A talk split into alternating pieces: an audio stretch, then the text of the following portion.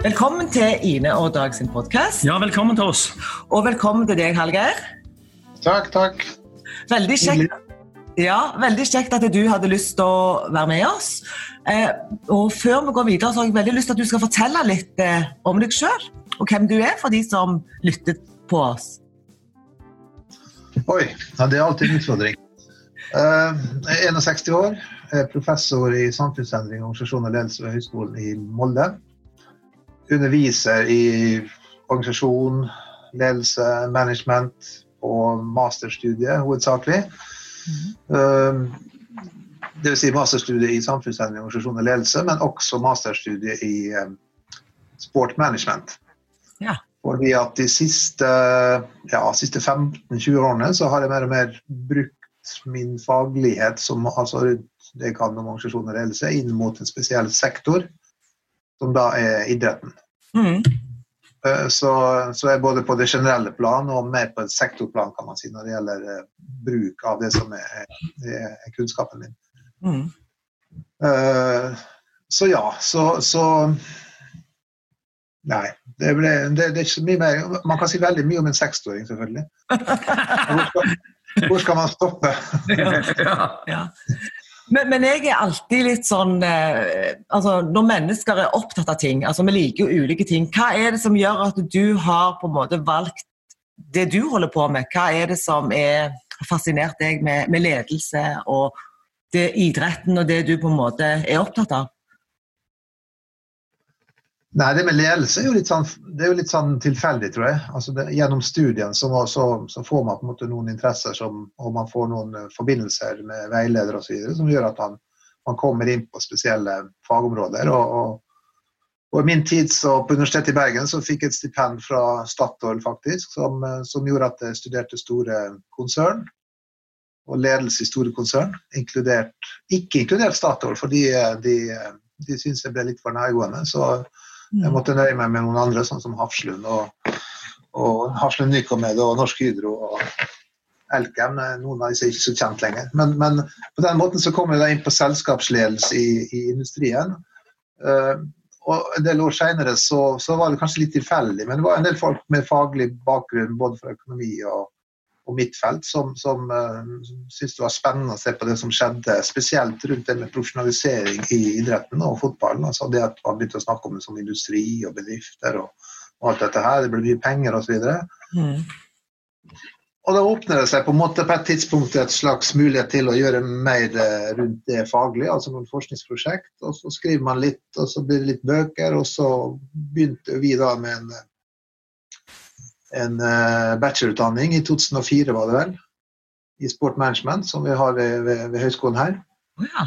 Og etter hvert så har vi bygget på det til en, eh, til en masterutdanning. Så, så, nå kan man gå fem år og studere sport management. Og det er jo da studenter som går inn i jobber i idretten. Og, og flere og flere av disse går inn i breddeidretten, altså store idrettsklubber. Så, og, ja, de holder på med å styre disse klubbene, er leder i disse klubbene, der det er skolefritidsordninger og masse, masse, barn og masse ungdom som, som, holder på. Så det har blitt et uh, form for arbeidsmarked, det også. Og selvfølgelig da sikkert forklart litt av at mens foreldre før sto for mye av jobben, så betaler de nå for å få andre til å være trenere og ledere. I, i, um, i dag så hører man jo veldig mye om, om ledelse, og veldig mye unge mennesker ønsker jo å bli ledere. Og Av og til har jeg en mistanke om at det, bare de får lede noe, så er det nesten samme hva de leder. For, for ledelse er på en måte blitt en slags sånn eh, eh Et bra sted å, å, være. Altså, jeg er leder. Eh, men, men, er det for lite fokus på eh, hvordan en blir en god leder? Ja, altså dette med god leder har jo alt, har alltid opptatt uh, de som studerer ledelse, og også, også allmennheten. Men, men, hva som er en god leder, det er jo fremdeles et mysterium, da. Eller iallfall hvor man, man, man, man kan gjenkjenne en god leder når man, når man ser den eller, mm. eller, jobber under den, men hvordan man skaper gode ledere, det er jo problematisk mm. å si noe om. Så, så selv om dette er studert veldig lenge nå, Mm. så er det veldig vanskelig å si hva en god leder er, egentlig. For, for, I prinsippet så er det vel Altså En leder skal få folk til å Han skal lede. altså Hvis han ser bokstavelig på ordet, så skal han jo lede folk fra A til B. Eh, eller i en eller annen retning mot et eller annet.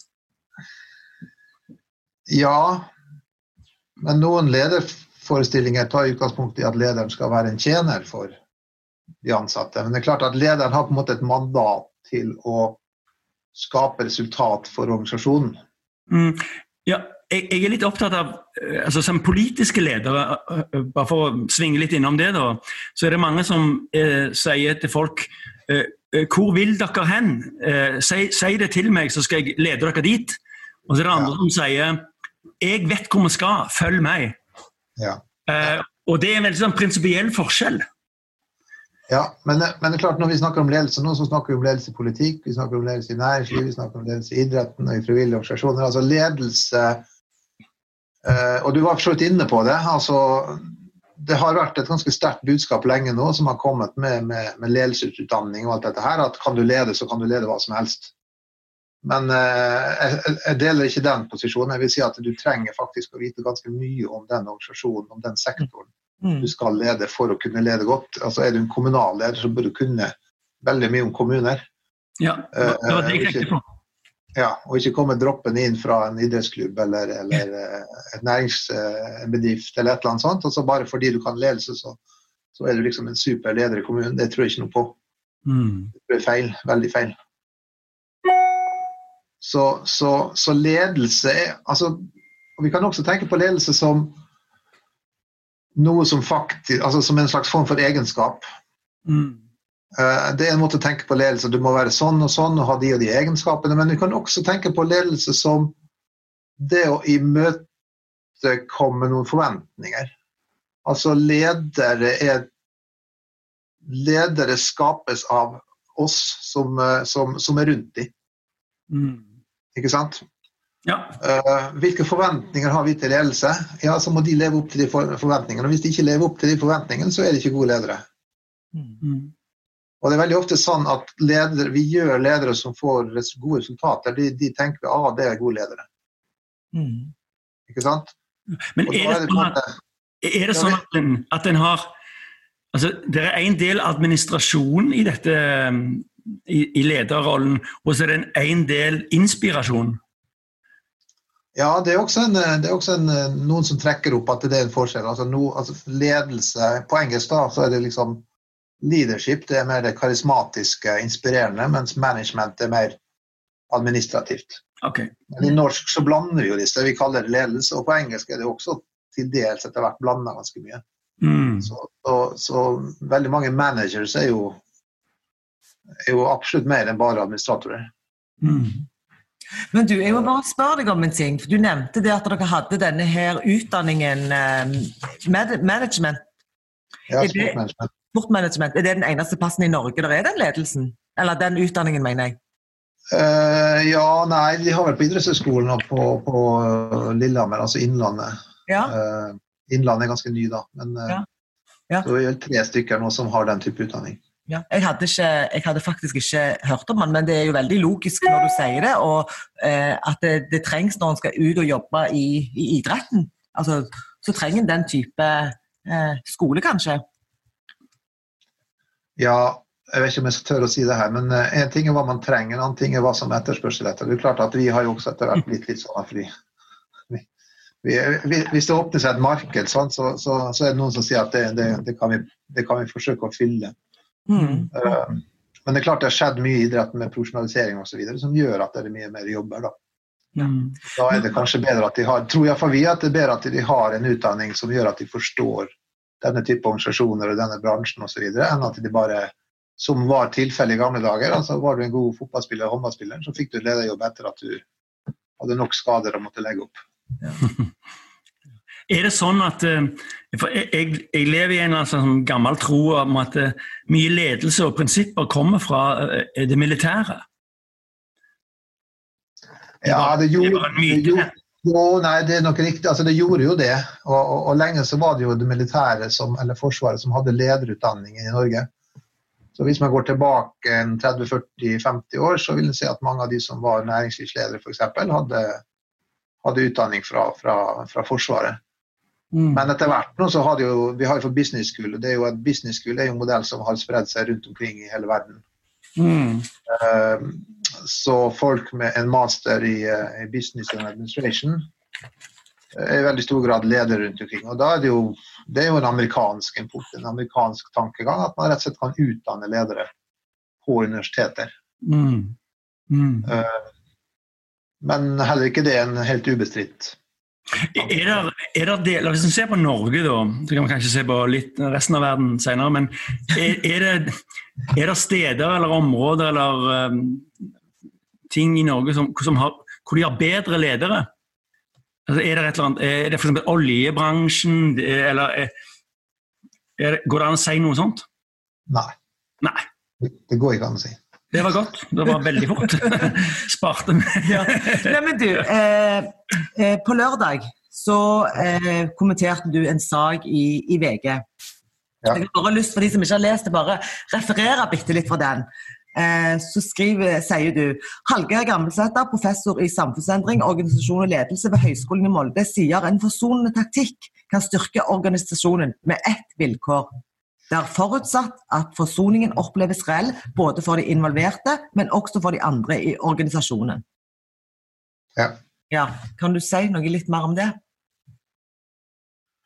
Ja, dette, var jo en, dette er jo en sak i Norges Fotballforbund der, eh, som vel går på at eh, Jeg kjenner den bare fra media, men som går på at eh, topplederen, altså generalsekretæren, Mm.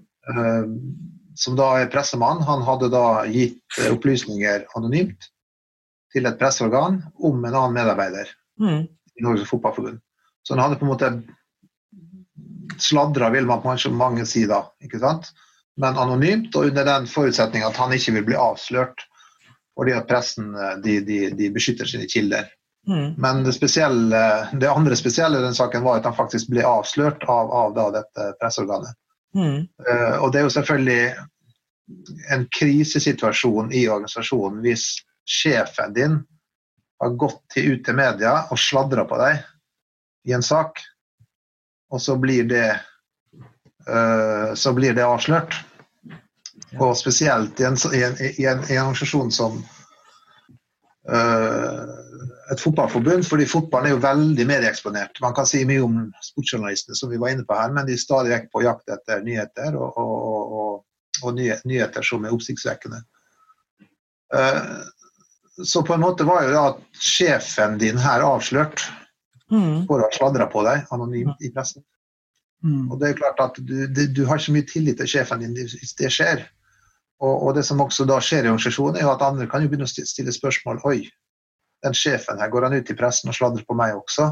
Mm. Mm. Ikke sant? Altså Kan vi stole på denne lederen vår som faktisk gjør sånne ting? Mm. Så det skaper jo en form for krisesituasjon i, i, i en organisasjon. Mm. Eh, dette spørsmålet om god ledelse eh, blir jo da stilt av veldig mange, ikke sant? Mm. Eh, Så det som jeg forstår har skjedd da i Fotballforbundet, er om man har forsøkt å løse dette her internt ved å rett og slett at disse som da er involvert, har, har eh, kommet fram til det som i pressen kalles en forsoning. Da. Mm. Eh, og da er mitt poeng at uh, noen ganger så, så, så løser man sånne ting ved å legge, si at man legger en ball død, og så betaler man noe penger, og så skriver man en kontrakt, og så skal man ikke si noe til pressen osv. Mm. Uh, hvis det er det som skjer, så, så har man ikke nødvendigvis kurert problemet. Altså da, da vil det fremdeles være mange som stiller spørsmål ja vel, hva har man egentlig gjort? Er man egentlig forsona? Er man egentlig enig? Kan man egentlig stille et, fremdeles ha tillit til denne lederen? ikke sant? Hva var det som skjedde? ikke sant? Og Dermed så stilles fremdeles mange spørsmål rundt tilliten til, til, til ledelsen. Mm. Uh, men hvis det derimot er sånn at man faktisk har tatt en tøff runde, Ja. og disse som da har vært i konflikt, faktisk har satt seg ned og unnskyldt seg og forklart seg og sagt, og, og sagt at uh, OK, dette var, dette var veldig ille, jeg ser at dette har skapt et stort tillitsproblem. Uh, det var veldig feil av meg, osv. Og, så videre, og så forsøker da å skape en forsoning som er reell, ikke bare mellom de personene, men som da de rundt også tror på. Da er man, eh, da er man i en situasjon der man faktisk kan bygge ledelse. Og denne lederen kan da faktisk bli, bli, bli eh, trodd på at han er en ærlig leder som han har gjort en feil, men det gjør vi jo alle sammen. Ina and Dags Fabulous podcast. Du snakker jo egentlig om å bygge tillit, og det vet vi jo alle tar tid. Ja. Og Derfor så må det gjøres veldig grundig. Du kan ødelegge tilliten på et øyeblikk, eh, som vi vet, men skal Ja. du bygge den opp, så tar det tid, og det må gjøres grundig. Og det var det som skjedde her. ikke sant? Den ble på en måte ødelagt, iallfall stilt spørsmålstegn ved veldig fort. Ja. Men eh, forsoning betyr jo at man må bruke tid på å komme tilbake. Og, da, og hvis man greier det, så kan man jo, kan man jo faktisk eh, ende opp med at man har mer tillit enn man hadde i utgangspunktet. Vi er nesten på eh, grensen til et lite nytt sånn temaskifte om varslere. Og hva tenker du om varslerkulturen i Norge? Har du noen tanker om det? Jeg tror det er vanskelig å snakke om en varslerkultur. Altså Varsler er nok uh, ensom, ensomme mennesker i min forstand. Altså de, de, de befinner seg i veldig forskjellige organisasjoner og har jo ikke noe forbindelse sånn generelt. Så men hvis du snakker om varslerkultur, så er det vel rommet for å kunne varsle i organisasjoner. Ja. Det, har jo blitt, det har jo blitt juridisk bedre. Altså Vi har jo en varslerordning som man skal på en måte kunne beskyttes juridisk. Det som er, det som er problemet, som vi kanskje, kanskje ikke kan løse, eh, litt pessimistisk her, men det er jo at eh, organisasjoner er jo sosiale fellesskap. Mm. Der folk tenker ting, snakker sammen, består kanskje av klikker. Ikke sant? Eh, Enkeltindivider som, som isolerer seg. Noen har makt i kraft av det vi var inne på. Posisjoner, prestasjoner Øh, eh, osv. Og en varsler vil jo på en måte være veldig ensom etter det, for han vet jo ikke hva folk Det er jo ikke sånn at folk kommer ropende og kaster rundt halsen på deg og sier 'hurra, du varsla'. Det er jo tvert imot sånn at vedkommende liksom da stiller spørsmål ja, hvordan, hvordan reagerer folk hvis jeg varsler. Og så, så ender man kanskje i en veldig sånn Man har kanskje én eller to som, som støtter en, men en ender likevel i en veldig posisjon der en, eh, en lurer på hva folk mener om meg. Og så tror Hva det er riktig å gjøre. Så det, blir liksom, det, blir det kan veldig fort bli en stor belastning. Ja, for, for jeg tror jo også at det er forskjell på eh, det å varsle helt alene, eller varsle på en måte mange, altså en gruppe sammen. Ikke sant? Mm. For da, Ja. da tilbake til det du sier, at det, at det koster mye for et menneske på det personlige planet når man gjerne skal stå alene i den krigen. Ja. Mm. Men det, så er det jo òg at hvis en varsler sier fra om at det er noe som er feil i en organisasjon, eller eh, ja, et eller annet som ikke, bør, som, som ikke er som det skal, så har han jo på en måte kritisert ledelsen. Helt sånn automatisk. Ja, det har han gjort. Og, og, og da, da er det jo på en måte inne i en eh, eh, Hva type ledere har en som, som en må varsle på, og som en ikke kan ta det opp direkte med og si at det er helt rart at vår organisasjon gjør det på den og den måten. Det er jo f.eks. imot loven eller et eller annet. Ja, mange ganger så vil jo varsleren oppleve at en har sagt fra før, ikke sant? på andre måter og, og andre Ja. legale måter, gjennom fagforening og, og referater og osv., men det har på en måte ikke utført. Mm. Så, så, så, det, så det er jo riktig. Um, så det, i, I siste instans så vil det veldig ofte være sånn at ledelsen da enten er de som har gjort noe galt, eller iallfall har forsømt seg med hensyn til å åpne opp diskusjonen rundt det som er, problemet her. Mm. Og, og da er jo spørsmålet helt innenfor varsler. varsleren hva, hva slags konsekvenser risikerer ved å varsle? Ja. Jeg, jeg, jeg tenker jo det at eh, enten man varsler som enkeltindivid eller i grupper, eh, så må jo hovedmålet være en endring, en forbedring. Eh, ikke sant? At da, da gir det beskjed om noe som ikke fungerer, som ikke er bra.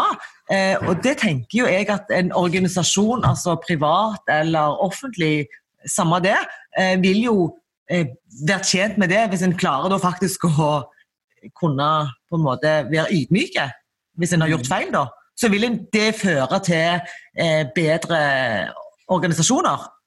Er det en sånn rar teori? Nei, men det er klart, vi må, vi må skille mellom altså, Offisielt så er jo alle organisasjoner skapt for å nå mål, som vi sier. De skal være effektive, og de skal skape goder og bla, bla, bla. ikke sant? Ja. reelt, altså kritikere, mange kritikerorganisasjoner sier jo at reelt så er det jo ikke nødvendigvis så enkelt. Altså Man gjør jo mange ting for å prøve å fortelle at man er en god organisasjon og skape gode resultater osv. Men, men eh, noen har sagt at organisasjonens reelle mål er å overleve. Og Hvis man tar det et skritt videre og snakker om makt, så kan man si at organisasjonslederes reelle mål det er å overleve, overleve som ledelse. Altså at maktstrukturen som vi har skapt, og som vi har blitt satt inn i, det viktigste av alt er at den overlever. Så, så, så ledere vil ofte være forsvare strukturer. Uh, og Det kan være fysiske strukturer, men det kan også være kulturer. altså Måter å tenke på, hva som er akseptert å ta opp, ikke akseptert å ta opp osv. Så, videre, og så, så ledere i organisasjoner kan bruke mye energi på, å, både bevisst og ubevisst, på å bevare maktstrukturen i organisasjonen. Og Da vil en varsler være en trussel. Mm. Vi har jo Jeg vet ikke om det er sånn lenger, men før så snakket vi alltid om at norske bedrifter var annerledes f.eks. enn en, en de fra USA. Mm. Eh, det, det, kjenner vi kanskje ja, vi kjenner det godt her i Stavanger. På grunn av at eh, For lenge siden så kom det en haug med amerikanske bedrifter her. og Vi snakket om at det var en helt annen kultur. Og, og vi nordmenn vi var sånn og sånn, mens amerikanerne de var sånn og sånn. Eh, er det sånn ennå, eller er det noe spesielt med norsk eh, jeg, eh, bedriftskultur, ledelseskultur, i forhold til eh, andre eng engelske, franske, amerikanske? Svaret er vel både ja og nei, da tror jeg, men eh, det er jo som man sier et, et empirisk spørsmål ja. i min bransje. Uh, nei, men jeg kan jo, hvis jeg reflekterer rundt det, så er det klart at vi har jo en annen, jo en annen tradisjon fordi at vi har dette trepartssamarbeidet og, og forhandlingskulturen osv. som er en del av skandinavisk uh, arbeidsliv. Mm. og vi har sterke fagforeninger og, og, og, folk som står fram i pressen hvis det er varsler f.eks. blir veldig fort bli hørt og blir en slags form for helter. Så, så vi, har, vi har veldig sans for at det skal sies fra nedenfra. Samtidig så er det et paradoks som går på at ledelsesteori organisasjonsteori har gjennom årene, og veldig mye av den er jo i og for seg amerikansk, eller mange amerikanske forfattere, har gjennom årene blitt mye mer demokratisk. Altså Man har lagt mye mer vekt på demokrati, og at det er viktig å forhandle, og at alle parter blir sett osv. Men og de som har gått eh, på universitet og lederkurs, de har også lært seg å snakke på den måten. Men samtidig så er det et ganske godt spørsmål om faktisk eh, ledelses- og organisasjonsstrukturer i norsk næringsliv og ikke minst offentlig forvaltning har blitt mer demokratiske. Kanskje er det motsatt som har skjedd. Mm. På tross av at, at teoriutviklingen har, har, og, det man vet om hva som er god ledelse, har gått uh, mot en mykere tankegang når det gjelder ledelse, så er det ganske mange som vil si at eh, ledelse i norske organisasjoner, og da ikke bare i næringsliv, men også i offentlig forvaltning osv., har blitt tøffere. Ina, Ina Dogs podcast. Ina Dog podcast. Today, here, now. Wow. Ordet makt, som er et, et, et sentralt ord, uh, er blitt mer ok. Hæ, syns du? det? Ja, for, for, ti år siden så var ordet makt fullstendig tabu. Sånn, ingen hadde makt, og de hadde innflytelse, og de hadde ditt og datt. Sånn, ja, ja. Eh, men, men, nå sier folk ja, jeg har makt, og liksom, det er Bring it on, sier de. Liksom, bare. Jeg har makt, det er helt greit. Ja. Ligger det liksom, i, i den samme utviklingen, kanskje? Nja, det er jeg litt usikker på. Jeg, jeg, tror kanskje det kommer av kritikk, at kritikken har kommet dit hen at man måte, må erkjenne at man har makt. Uh, Spørsmålet er hvordan man bruker makten. Da. Men det er klart at vi kan altså, En kritikk mot en del av, en del av eh, konsulentbransjen kanskje er jo at man har snakka så mye om ledelse og kultur osv. uten å snakke om makt. At man nærmest har fjerna ideen om makt i organisasjoner. Men å tenke seg organisasjoner uten makt er jo bare tull. Mm. Eh, men så lenge man ikke snakker om makt ja. altså Det er noen som har sagt at makten er mest effektiv der den ikke synes. Ikke sant? Ja. ja. Og, og, eh, og, Kina heter jo Folkerepublikken Kina, ikke sant? Det er ikke tilfeldig, det. At man, at man smykker seg med at man er demokratisk og folkelig og alt dette her. Ja. Det gir et slags vern for maktbruk. Ja. Eh, Så, så man, skal, man skal kunne mer om makt enn å bare si at man har makt. Altså det, det, måten man bruker den på, er, er det vesentlige her. Så det er klart at det er makt i alle organisasjoner, og, og, og personer har makt. Og, og, og, og fagforeninger har makt, og enkeltpersoner har makt osv. Så, videre. så, så, så spørsmålet er hvordan makt utøves. Mm. Så tenker jeg jo òg at det, det å faktisk ha kunnskap om makt og ulike maktformer, ikke sant? det gjør det òg lettere for, altså, for å oppdage det, ikke sant? der en tror at det, det ikke er. Eh, uten at vi skal gå inn på liksom, disse maktteoretikerne og, og de, men, men, men det at det der er at du har kun, altså det å ha kunnskap om et tema, det vil jo òg gjøre deg klokere og gjøre at du vil klare å se ting på en annen måte, tenker iallfall jeg. Ja, Det vi snakker om nå, er jo det vi kan kalle litt sånn subtile ting. Altså Det er jo ting vi ikke ser. ikke sant? Ja. Det, det, det er kultur og makt og ledelse og Ja. Det, det, det, som, det er som vinden. sant? Vi ser den ikke, men vi merker den. Ja. Og, og det å da beskrive den, ikke sant? Er, du, du, du trenger litt erfaring og du trenger litt begreper og du trenger litt kunnskap for å kunne forstå disse ganske subtile mekanismene i, i mennesket. Ja, og, og det, det du sier med kulturer Jeg tenker jo at det med arbeidskultur, enten det er offentlig eller privat, det står enormt sterkt. For når du kommer kanskje nyutdanna, full med masse fag og ny kunnskap, så kommer du inn i en organisasjon, eh, og så gjør du det på en eller annen måte der. Så er det ikke så lett når du er ung og ny og sier 'hallo, eh, jeg har lært på skolen'. Jeg, nyest forskning. sant? Så da på en måte tilpasser du deg den kulturen. Så jeg, mener altså arbeidskultur, eh, den står så sterkt. Er du enig? Ja. Ja.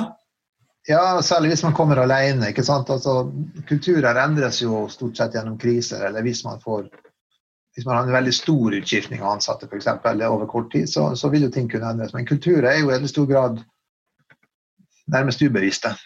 Mm. Men de er likevel kraftige og, og har en, en veldig sterk funksjon.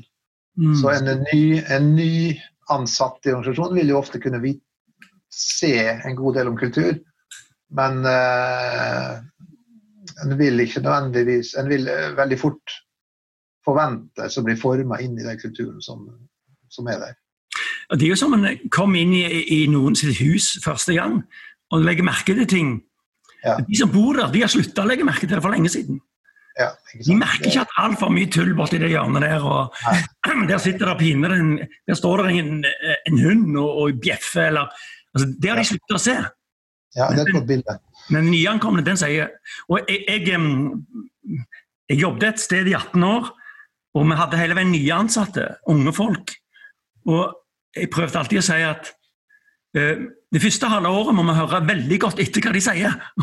Ja. Og Vi må ikke snakke så mye til dem, men vi må høre på hva de sier. For Ja. de har helt ferske øyne, og det, det kan ikke vi kjøpe for penger. Nei. Men, men det går ikke an for oss å få tak i det. Så Da er vi litt tilbake til, vi litt tilbake til ledelse. Altså det å, du, må ha, du må ha mot Du må ha mot for å lytte til andre, og mot for Ja. å kunne ta initiativ til å endre egen kultur, egen struktur osv. Ja. Dessverre så tror jeg at mange ledere ikke har det motet. De de, de, de er feige. De er fornøyd med å ha oppnådd den lederposisjonen. Ja, for det at en endring kan jo true altså, Hvis du endrer en pyramide, så kan det jo skje noe med toppen. Ja. Eh, og, og det er jo ikke Det kan være skummelt. Ja, ja, det, ja det, og det er jo ikke det at jeg, jeg, jeg tenker Jeg tenker jo selv at det der er både gode og, og dårlige ledere der ute. Så det er jo ikke sånn at vi skal være sånn pessimistiske og tenke at det er bare dårlige ledere i, i Norge. Men klart at det er både gode og dårlige led, ledere. Ja. Det, det, det må vi på en måte erkjenne. Og så, denne, så vet jeg at det er jo noen sånne lederutdanninger som er veldig sånn anerkjente. Blant annet, jeg vet ikke hva innhold eh, der er i den, for jeg har aldri gått i det, den ledelsesveien. Men denne her på Solstrand, den har du sikkert hørt om. Ja, og, og det jeg har bare hørt og via via at liksom, de som får den, den koster mye penger. Men de som har vært der, da liksom, da er du en god leder hvis du har vært der. For den har blitt anerkjent på en eller annen måte. Jeg har vært der, men det var ikke på leder... leder eh, det var ikke på det kurset, men jeg var på et annet kurs. Ja.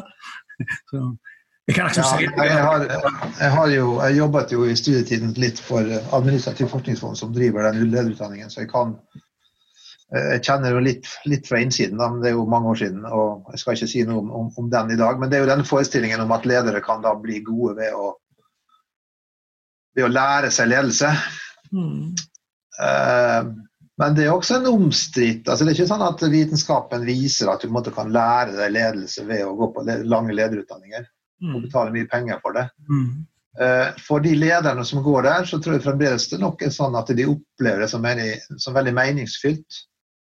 Og gjør det, for de får tid, de kommer seg bort, de legger bort telefonene, de får gå turer, de får reflektere rundt sin egen ledelse osv.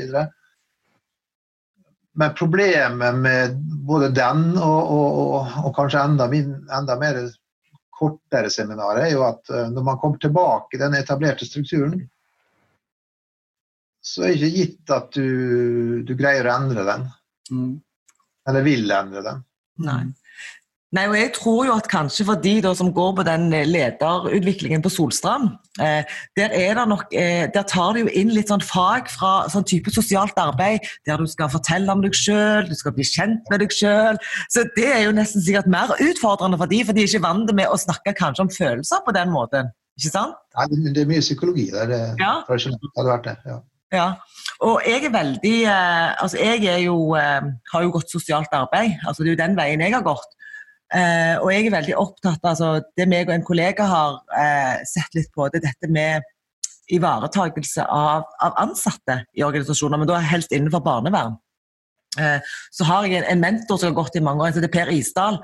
Og han eh, innenfor eh, barnevern så snakker vi om 'circle of security'. Det er Du har kjenner til den? Ja, den sirkelen. Ja, jeg tenker, jeg tenker med den gode sirkel, egentlig. Så. Ja, den gode sirkelen med de hen, der er noen hender som alltid skal ta deg imot. Og I den ene boken han har skrevet, så skriver han om omsorgsfull ledelse. ikke sant? Der Ja. på en måte, De hendene de skal være der, og så skal du på en måte kunne springe litt ut, og så skal du komme tilbake igjen og bli tatt imot av de gode, varme hendene. Det må vi også, liksom, ikke bare tenke når vi jobber med familier, men så tenke det på en måte i forhold til de ansatte. Og det synes jeg, det, For meg er jo det en sånn drømmeledelse. Ja, men vi, vi, vi skal også være oppmerksom på at uh, ledere har veldig sterke posisjoner. Og når de lærer psykologi og når de lærer den type teknikker, så kan de også bruke det til å manipulere. Mm. Og de kan bruke det som alibi for at de opptrer som faderlig og, og eh, faktisk tar vare på. De, har jo, de, de, de kan vokabular rundt kultur og sosialt arbeid. og og, og de gjør det beste for deg, osv. Så, videre, og så, videre. så de kan bruke denne type vokabular og tenkning til faktisk å bli uangripelige som ledere. Så, så det, det, det er alltid tveget, disse tingene her. Ja, Du kan si at du blir eh, permittert fordi vi vil ta godt vare på deg. Ja, ikke sant? Ja, altså, men eh, jeg, vil, jeg vil bare Det var en, det var en spøk. ja. Men er ingen har sagt det noen gang. Men eh, eh, litt Før så var det sånn at Kanskje det er en myte det om at hvis, du var den flinkeste ingeniøren, så endte du til slutt opp til å bli sjef. Ja. Og, og, og det, så var det noen som sa men det er jo helt feil. Han, eh, denne personen han eller hun, burde jo bare være en ingeniør og være den beste ingeniøren i verden. Og så kan vi få en annen som leder denne eh, sjappa. Um, er det sånn ennå at, at folk liksom vokser opp til hva dette til sitt eh, level of incompetence eller noe sånt? Reaksjonen på dette er vel den andre som vi snakket om, at man ser at um, fordi at ingeniøren skal være den beste ingeniøren, ikke leder, så utdanner vi i stedet ledere som kan lede de beste ingeniørene. Ja, Så det har blitt sånn etter hvert? Ja. Ja, ja. Men eh, det er klart det er fallgruver i begge, i, i begge sammenhenger, da. Ja. Det, det er det jo. For det at Folk må jo ha opprykk. altså Hvis du, er, du holder på og så er du flink og flink, og flink, altså, så må du på en måte ha noe, noen, noen, um, noe å strekke deg etter. En slags sånn uh, gulrot. Ja, men det er, jo ikke, det er jo ikke alle som ønsker det. Jeg tenker jo det er noen som jobber et helt arbeidsliv og ikke tenker at de nødvendigvis har lyst til å, å rykke opp, men er veldig fornøyd med det de holder på med. Mm. Ja ja, takk og pris. Og, jeg, tror, og det, det, jeg bruker noen ganger å provosere og si at eh, grunn, grunnen til at det er mer menn enn kvinner i ledelse, er at kvinner er smartere. De har skjønt at det å være leder er ikke noe dans på roser. Det gir ikke et godt liv. Nei, det var det jeg var innom, at det er så mange som eh, jeg, glorifiserer bare det begrepet leder. Ledelse. Bli, hva vil du bli når du blir stor? Nei, jeg vil bli leder. Sjef. Ja, sjef. Jeg mener, personlig jeg har aldri vært leder. Jo, jeg er leder nå, for nå driver jeg min egen enmannsbedrift. Så jeg ansatte meg sjøl, så jeg er på en måte en leder. Men, men, eh, men jeg, jeg, har heller aldri hatt eh, trang til å lede andre. Jeg ser på det som nesten en eh, sånn skremmende. Ja. Nifst. Nifst. Ja. Ja, det, det, det, ja, nei, det er ingen grunn til å Men, men det med kvinner og sånn, det var veldig interessant. Det, det er jo nesten en egen podkast. Ja. At kvinner er så smarte at de skjønner at ledelse er eh, oppskrytt, noe oppskrytte greier. Står du inne for det? Ja, det, det er iallfall interessant å, å, å, diskutere det fra det synspunktet. Jeg tror nok at grunnen til at vi ikke har uh, balanse i ledelse, det er andre grunner til det. Men, men, ja, jeg tror nok at en del kvinner uh, har mindre behov for å innta den posisjonen, fordi at de skjønner at det ikke nødvendigvis er det som er det gode liv. Og så brukes jo mangelen på uh, balanse mellom kvinner og menn i ledelse som et argument på at det ikke er likestilling. Ja. Og det, det er uh, Nå ser jeg litt på Ine for om hun sender meg noen skumle blikk, men jeg mener jo at det, at det kan ikke brukes som en indikator på likestilling. Ikke nødvendigvis, men hvis vi er tilbake til kultur her, så kan vi jo si at dette er jo sjablongmessig, men vi kan jo si at de organisasjonshierarkiene, de strukturene som vi har, etablert i vår, i vår, både i Norge og i vestlig verden, de er på en måte skapt av menn. ikke sant? Ja. Historisk er de skapt av menn fordi det er menn som, som, er ledere fremdeles. Det er de som er investorer, det er de som måtte sitte på de aller viktigste plassene. Også i politikken har det vært sånn. Mm. Og da er disse, disse, organisasjonene de er preget av menn og menns tenkning og menns kulturer. Mm. Og, og, og, da kan man si at kvinner er ikke så veldig interessert i å være menn, de vil være kvinner. Og de er ikke interessert i disse organisasjonene fordi de opplever ikke de som gode steder å være. Uh, og da kan vi si at Det er jo uheldig, da, for hvis det er sånn at kvinner faktisk ville skape andre organisasjoner som kanskje var mer omsorgsfulle, så burde vi ha mer kvinner inn i disse posisjonene, sånn at vi fikk endret organisasjonene våre og fikk organisasjoner som kanskje var bedre enn de vi har. Det er et godt poeng. Ja. Og det, det, har jo vært litt sånn òg eh, at når vi, vi har vel eh, lagd 40 episoder. Jeg tror du er nummer 41. Takk, takk. Men, men eh, det er jo nesten bare menn. Ja. Og jeg sa det til Dag eh, når, når, jeg sier det Vi må ha han, eh, han Hallgeir med. Men, men, men, det som er, han er mann, vet du, sier jeg. Men, men det, kan, det, kan, jo ikke stå i veien for at vi ikke tar han inn, sier jeg. For det at når, når vi tenker at de, altså, når de er flinke på noe, så har vi jo lyst til å snakke med dem. Men, men det har jo vært altså, Det er jo sånn dilemma, på en måte. At, at, det er bare Det er nesten bare menn. Så vi, vi skal jobbe veldig hardt nå utover høsten dag Ja. for å, å få litt mer kvinner inn. Og få litt, litt sånn Kanskje kvinnestemmer vi må gå inn på uh, sånn dating, sånn Tinder og sånt. Søke på Vi trenger deg til vår podkast! Turer i skog og mark. Ja. Nei, men, ja. Men det, det har vel kanskje med at vi menn er fremdeles flinkere til å stikke oss fram. Og, Ja. og nettverkene, ikke sant? Nettverkene. ja. Ja. jo Mye referanser. Hvis du eksempel hører på, leser kronikker, og, og, og så, ser, så er det veldig ofte menn. Og så tar vi kontakt og sier dette var interessant, skal vi snakke om det.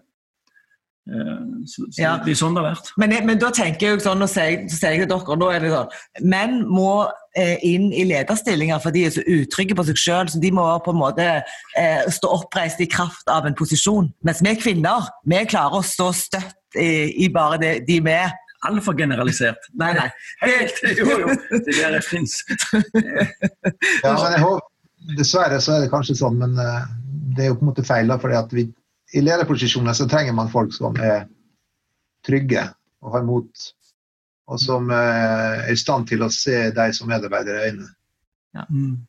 Ikke bare sende e-poster til eller bruke en mellommann eller noe sånt. Man, man, man trenger personer som er trygge personer i lederposisjoner. Og jeg tror at noe av problemet i ledelse der man ikke har god ledelse, er det nettopp det som er problemet. At eh, Ja. disse personene er ikke i stand til å konfrontere kritikk, enten det er fra varsler eller fra andre.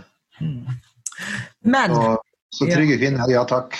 Ja, eh, og jeg tror at eh, vi må begynne å, å runde av, og da passer du veldig godt med å runde av. Vi må liksom slå et slag for eh, kvinnelige ledere, at det vil vi mer av.